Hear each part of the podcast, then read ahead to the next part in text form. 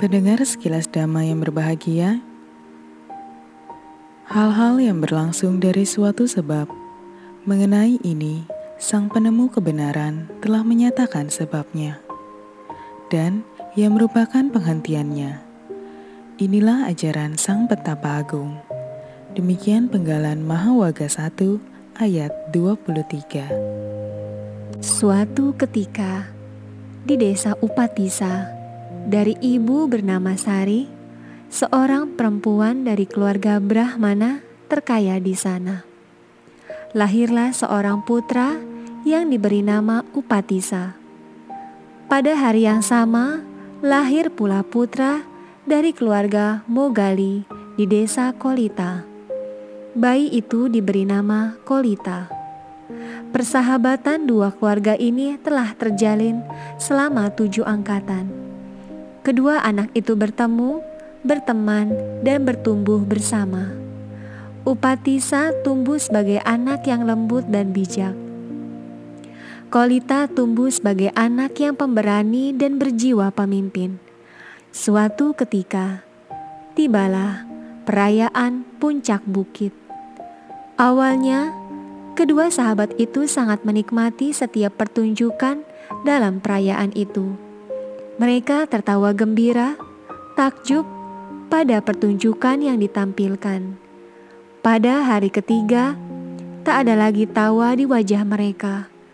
Mereka merasa semua kesenangan itu hanyalah semu. Mereka lalu meninggalkan rumah menjadi petapa, mencari jalan pembebasan. Mereka lalu menjadi murid petapa Sanjaya. Namun, setelah beberapa tahun, mereka merasa ajaran Sanjaya tidak membawa mereka pada keterbebasan. Mereka kembali berkelana, berpencar, dan membuat kesepakatan bahwa jika salah satu dari mereka telah menemukan guru, ia harus memberitahu yang lainnya. Suatu ketika, Biku Asaji, salah satu dari lima biku pertama, menyambut derma makan di Raja Gaha. Saat Biku Asaji meninggalkan Raja Gaha, Upatisa mendatanginya dan bertanya, Sahabat, indera Anda sungguh tenang, kulit Anda bersinar. Siapakah guru Anda? Ajaran apa yang Anda ikuti? Ada petapa agung dari suku Sakya. Damanya yang saya ikuti, sahabat, Jawab Biku Asaji. Apa yang guru Anda ajarkan? Tanyanya lagi. Biku Asaji memberitahu inti dhamma secara singkat. Segala yang muncul pasti ada sebabnya, dan akhir dari semua itu, itulah yang diajarkan oleh petapa agung. Seketika itu, Upatisa menembusi kesucian pertama. Ia langsung bertanya, di mana guru Anda tinggal? Di wihara hutan Welu, jawab Biku Asaji. Setelah mendengar dama dari Biku Asaji, petapa Upatisa segera menemui Kolita, sahabatnya. Sudah 20 tahun mereka meninggalkan rumah dan harta mereka. Bersama teman-temannya, mereka berkelana demi mencari keterbebasan sejati. Sahabat, Indramu sungguh tenang, kulitmu bersinar. Apakah kamu telah menemukan jalan keterbebasan? Tanya Kolita saat melihat sahabatnya. Upatisa menceritakan apa yang dikatakan Biku Asaji kepadanya.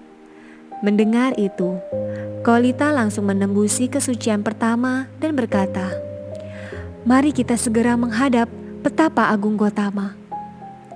Upatisa dan Kolita lalu mengajak Sanjaya, guru mereka saat itu, untuk bersama menemui Sang Bagawa.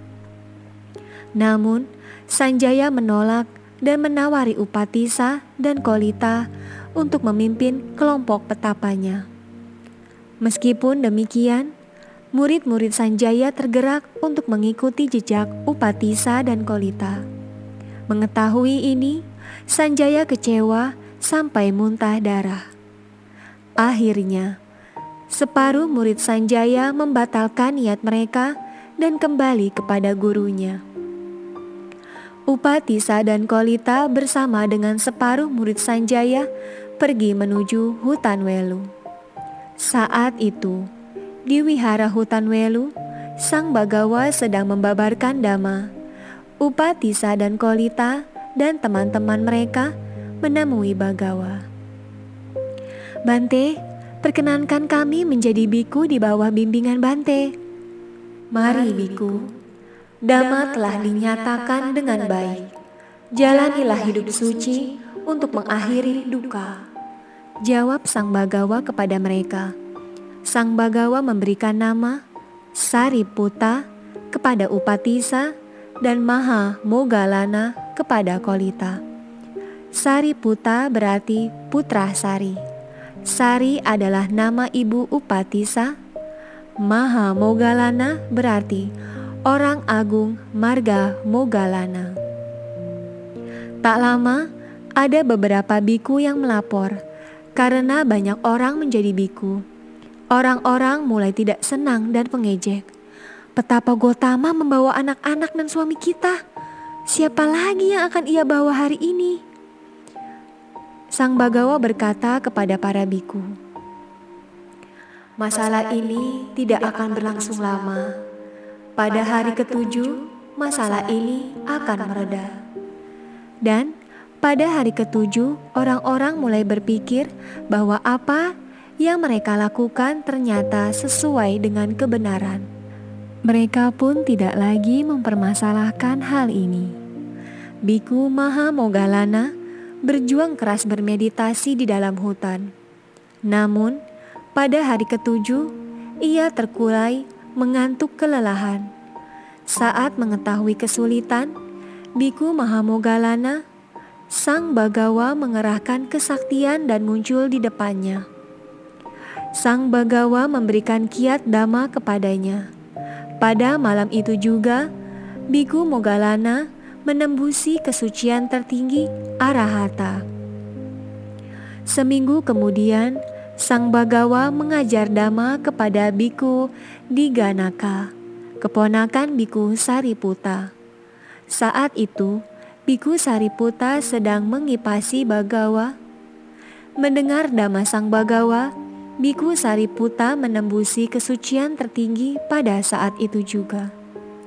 Berkat kecerdasan yang dimilikinya, Sang Bagawa memberinya gelar Panglima Dama. Sariputa adalah sahabat yang baik bagi siapa saja. Ia tak segan menegur dan memberi nasihat kepada siapa saja. Sebagai Panglima Dama, ia sangat penyabar, rendah hati, dan mau menerima masukan dari siapa pun. Mengunjungi dan merawat biku yang sakit adalah kebiasaannya. Biku Sariputa sangat piawai dalam membimbing orang lain mendemusi kecerahan. Seperti yang ia lakukan ketika merawat biku Samiti Guta yang terserang lepra. Berkat nasihatnya, Biku Samiti Guta berhasil menembusi kesucian Arahata, sedangkan Maha Mogalana sangat unggul dalam kesaktian. Ia pernah mengguncang istana Dewa Saka, Raja para dewa, dan mengingatkan Dewa Saka untuk tidak lalai menjalani dhamma. Sang Bagawa juga memintanya menundukkan Raja Naga Nando Pananda yang sombong. Walau Mahamogalana unggul dalam kesaktian, ia juga memiliki kebijaksanaan yang agung. Kemampuannya dalam mengajar sangat terpuji. Bila Biku Sariputa berhasil membimbing siswanya sampai kesucian pertama, Biku Mahamogalana akan melanjutkan mengajari siswa tersebut sampai menembusi kesucian yang lebih tinggi. Biku Sariputa Sang Bagawa beri gelar sebagai biku yang unggul dalam kebijaksanaan agung dan biku Maha Mogalana sebagai biku yang unggul dalam kesaktian. Nantikan sekilas dhamma episode berikutnya yang berjudul Berkumpulnya 1250 biku. Sekilas Dhamma spesial kisah hidup Sang Tata Gata akan hadir selama 100 hari menyambut Hari Waisak 2562 tahun 2021.